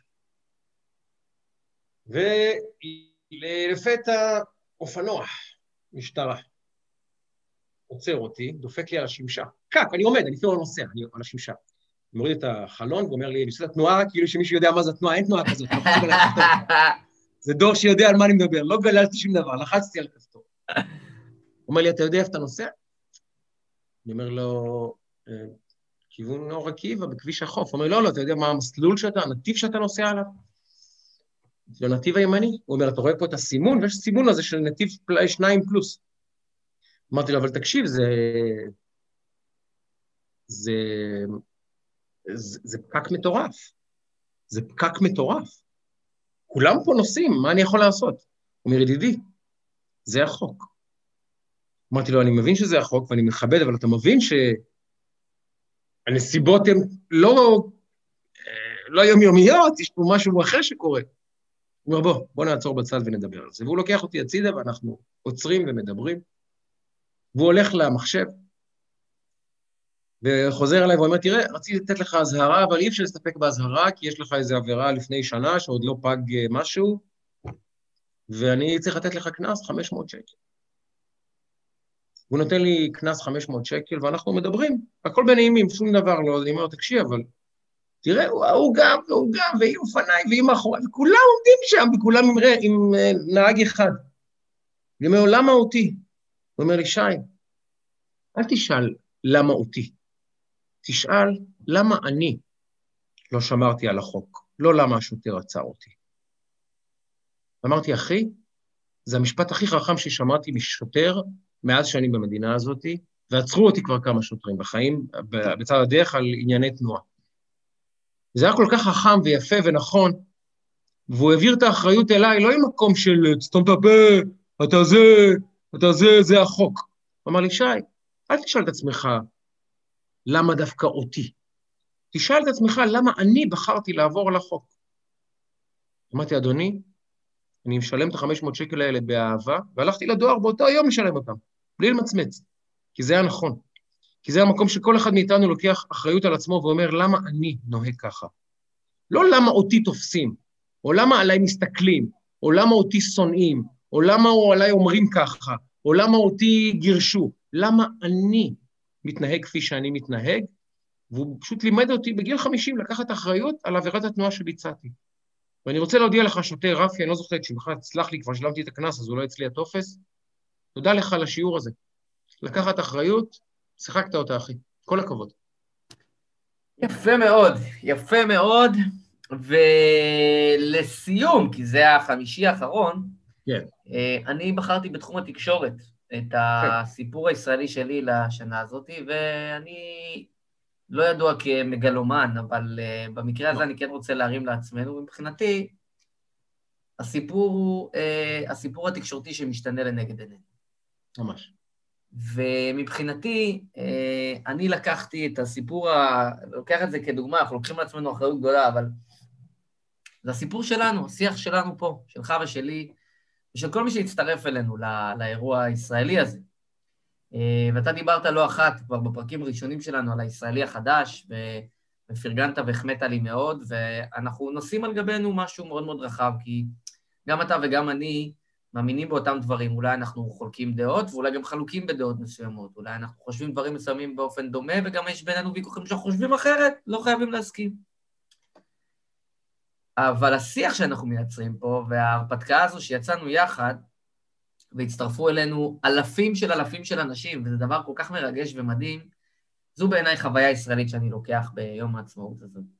אה, ואני שמח שיש לנו את הזכות לעשות את השיח הזה פעם בשבוע, כלומר, לנו באופן אישי קצת יותר, אבל באופן הבלתי אמצעי הזה, בשיחת רקע, שמה באנו בעצם לעשות פה? באנו לעשות משהו טיפה אחרת, שאנחנו חושבים שזה צריך להיות הסטנדרט, סטנדרט לשיח, סטנדרט לנועם, סטנדרט לדרך ארץ. סטנדרט לזה ש, ש, של קצת לשבור טיפה את המיינסטרים האכזרי אפילו, הייתי אומר, ולא שאנחנו לא שותפים אליו במידה מסוימת, אתה מגיש תוכנית בטלוויזיה וברדיו, אני מתארח בהרבה מאוד פאנלים, אני לא, אני לא אומר, הם רעים, אנחנו טובים, וזה דיכוטומיה. אבל אנחנו לקחנו בחלקת האלוהים הקטנה שלנו בשנה הזאת, לקחנו על עצמנו לנסות לייצר שיח טיפה אחר, שיח ישראלי.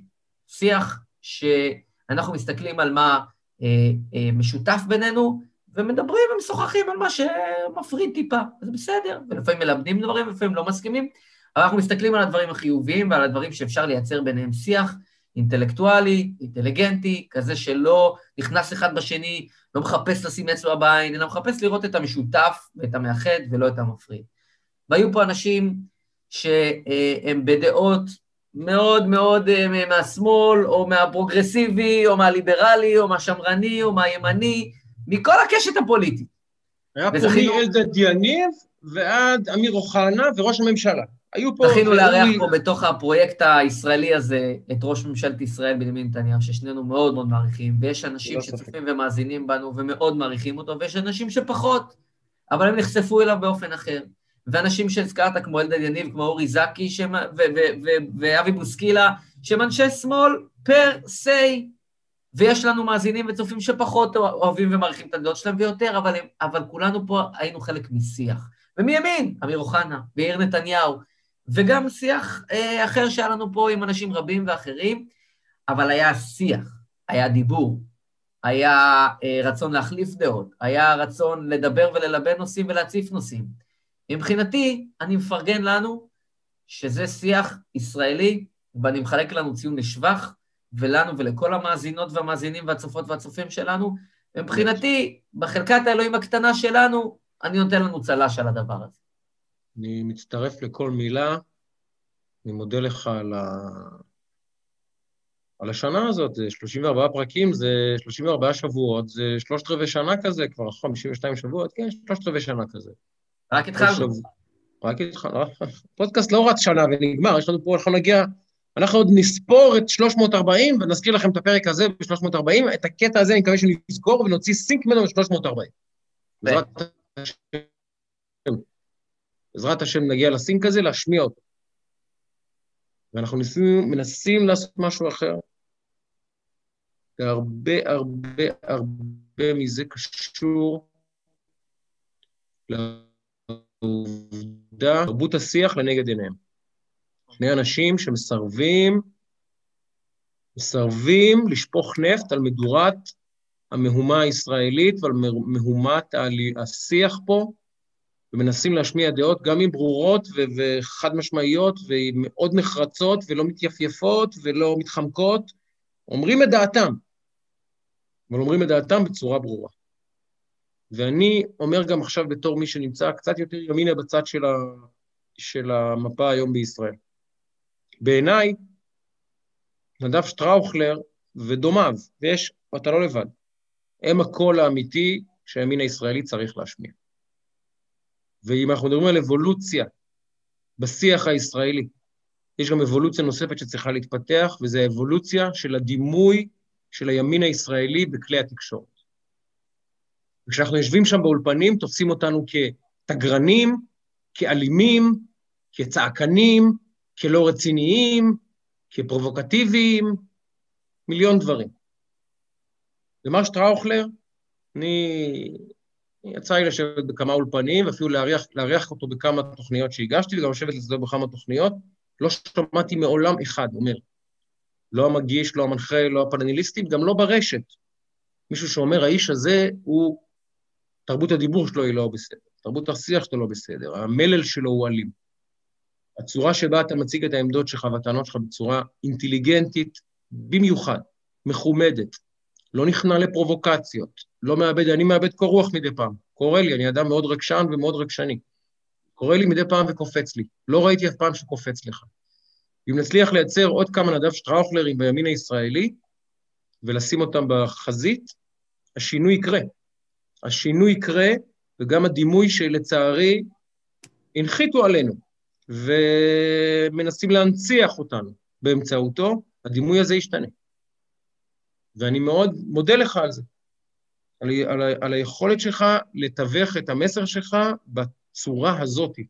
אני אומר את זה לא בגלל שאני חבר שלך ואוהב אותך, זה אחת הסיבות שהתחברתי אליך, כי אמרתי, זה איש ימין שאני מרגיש שהוא יכול ביחד איתי לייצר שפה שתדבר להרבה מאוד אנשים, ותפרוץ מגזרים ותפרוץ מחסומים, ולפעמים אנחנו נכשלים, גם אני נכשל לא אחת, לא פעמיים ולא עשר פעמים. בשבוע, אגב, לא בשנה. ואני נכשל, ואני לפעמים שובר חזק מדי, ואני קיצוני מדי, ולפעמים טיפה הווליום עולה לי, ולפעמים אני קופץ לי, אני מודה. או האם נצליח לייצר יותר מוזיקה שנגל, שנדב מנגן ויותר שיח שנדב מייצר, ייטב לכולנו, בישראל, ובפרט בימין הישראלי. אז תלמדו מנדב. באמת אני אומר את זה לכם. גם בדרך שבה הוא מתבטא בתגובות, בקומנטים, סליחה, בזה, בפייסבוקים ובטוויטרים ובזה. גם בדרך שבה הוא מעלה פוסטים, גם בדרך שבה הוא משיב לאנשים בתקשורת, גם לדרך שבה כשעומדים ומקללים אותו, והוא גם הוא סופג קללות וזבל והרבה דברים לא נעימים. הוא עדיין שומר תמיד על פאסון, על ממלכתיות, מדברים על הדר בית"רי, זה הדר. זה בית"רי. אני אומר לך את זה לא, לא בגלל שאני חבר שלך, אנחנו שותפים, אנחנו צריכים יותר נדב שטראוכלר גם בתקשורת הישראלית, ובטח ובטח ובטח בימין הישראלי, שהוא יציף את האולפנים. אנחנו צריכים יותר נדבים שיציפו את האולפנים. יפה, יפה, ריגשת מאוד, תודה רבה על הדברים האלה. יודע שהם באים מהלב. וכמה מילים על אורי מגבו, כי בכל זאת אורי יפה, יפה. ויש, באמת, ואני אומר לך, ויש ויש, ואני גם רואה את החבר'ה היותר צעירים ממני, אני גם צעיר, אבל אפילו יותר צעירים ממני, ואני מאוד מאוד שמח מה שאני רואה, ומאוד אופטימי, ואני ביום העצמאות הזה שמח מאוד ובמיוחד, וכיף כיף שיש לנו את האינטראקציה הזאת, ושאנחנו באמת יכולים להגיע להרבה מאוד אנשים בזכות הטכנולוגיה, והקורונה עשתה גם דברים טובים. אז, אז קודם כל, נגיד... נשאל אותך שאלה לסיום, שאלת fun לסיום לשנינו. הייתי מאפשר לך עכשיו להביא כל שחקן בעולם שאתה רוצה לחזק את בית"ר בשנה הבאה לעונה אחת. מי הוא יהיה? מי שאתה רוצה בעולם, צ'ק פתוח. שחקן פעיל. פעיל, כמובן.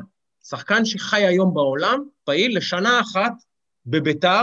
תחשוב גם על הצרכים של הקבוצה, לא רק על הגודל של לא, השם. לא, אין לי, אין לי, תקשיב, אין לי, אה, זה, התשובה היא ברורה ואתה גם יודע אותה, כי אני, תקשיב, אני נגיד מאוד מעריך שחקנים כמו איתי שכטר, אני לא מדבר עליו, כן?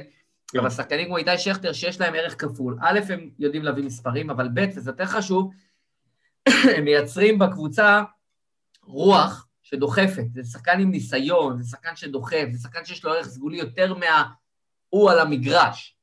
אה, ולכן מבחינתי בכלל אין ספק, אם היית אומר לי, תביא איזה שחקן שאתה רוצה בעולם, הייתי עשר מתוך עשר בוחר את זלטן איבראימוביץ', כי...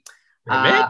ברור, אני אגיד לך למה, כי זה בן אדם שמביא איתו קבוצה, אתה יודע, הוא מביא איתו גם אותו, את עצמו עם מספרים וחלוץ, וגם שחקן שמפתח את השחקנים מסביבו, אבל הוא מביא איתו גם חדר הלבשה ו-DNA ורוח. עכשיו, יש שחקנים שהם מעולים, אבל הם, סליחה על הזה, זבלות של אנשים, ויש אנשים שהם טובים בחדר הלבשה, אבל פשוט לא שחקנים מספיק טובים. אז אם היית אומר לי, תביא מכל העולם, הייתי מביא את זלאטן לעונת פרישה בביתר. זה האמת. לא, א', יהיה אקשן בטוח, ואגב, הוא יסתדר עם האוהדים, יהיה מלמידי... הוא מתאים קלאסי לביתר. הוא מתאים לא, קלאסי לביתר. טדי יהפוך לאצטדיון זלאטן תוך שבועיים, זה ברור, זה אנחנו מבינים. קלאסי לביתר. ברור. לא, תקשיב, אני אתמול יצא לי במקרה, חיפשתי משהו, שחקני ה... משהו בפוטבול הכי מהירים בהיסטוריה, לא יודע, היה לי איזה ויכוח עם עצמי, מי השחקן הכי מהיר בהיסטוריה, ואיכשהו הגעתי לעשרה הספרינטים הכי גדולים של קיליאן אמבפה. כן, משהו... בטעות הגעתי לקליפ הזה, חיפשתי משהו... הכי כיף להגיע לזה בטעות. בטעות. פתאום אני רואה את זה, בואי, עכשיו, הוא עומד על ה-40, פשוט נותן לעצמו את הכדור 30 מטר, ואומר לכל מי שלידו, בהצלחה. בהצלחה, תנסה להגיע לכדור. עכשיו, האיש הזה רץ 10.1 100 מטר. טירוף. עם כדור? לדעתי הוא הכדורגלן... 100 מטר. עם כדור? 10-1, הוא נמדד 10-1 במגרש. עכשיו, לדעתי זו הכדורגלן המהיר בהיסטוריה. לדעתי, אני לא מדעתי, אבל אני לא חושב שיש... אני לא ראיתי מעולם שחקן מהיר ממנו. לא. זה, זו תופעה, תופעה. מדהים. ואני אומר, נגיד קיליאן בא לביתר. אתה מבין? אם הוא הכי מהיר באירופה, ומגינים של ביירן מינכן אתמול אמרו, רגע, מה, מה חלף פה לידי ככה? שחקנים של ביירן מינכן אמרו, חלף לידי משהו, מה זה היה? אז תאר לך את הליגה הישראלית. אני רוצה אותו, זלאטן יהיה אקשן, אבל קיליאן אמבפה, אני רוצה אותו בספרינטים על הקו, באצטדיון האורווה, בסמי עופר, במחטה שכבר נסגר לפני 700 שנה, אני רוצה אותו שם עושה ספרינטים. אני מבין אותך, האמת אני מבין אותך, אבל, אבל ב, ב, ברוח הבית"רי, אני אף פעם לא היה לנו את השחקן הכי מהיר. אני רוצה את האקשן, אני רוצה את ה... ובגלל זה זלאטן זו בחירה... לא, זלאטן זה... מה לעשות. אגב, גם רונלדו, האוהדים היו תוך דקה מתאהבים בו. דקה. אה, ברור. דקה העליל האוהדים. דקה. קל.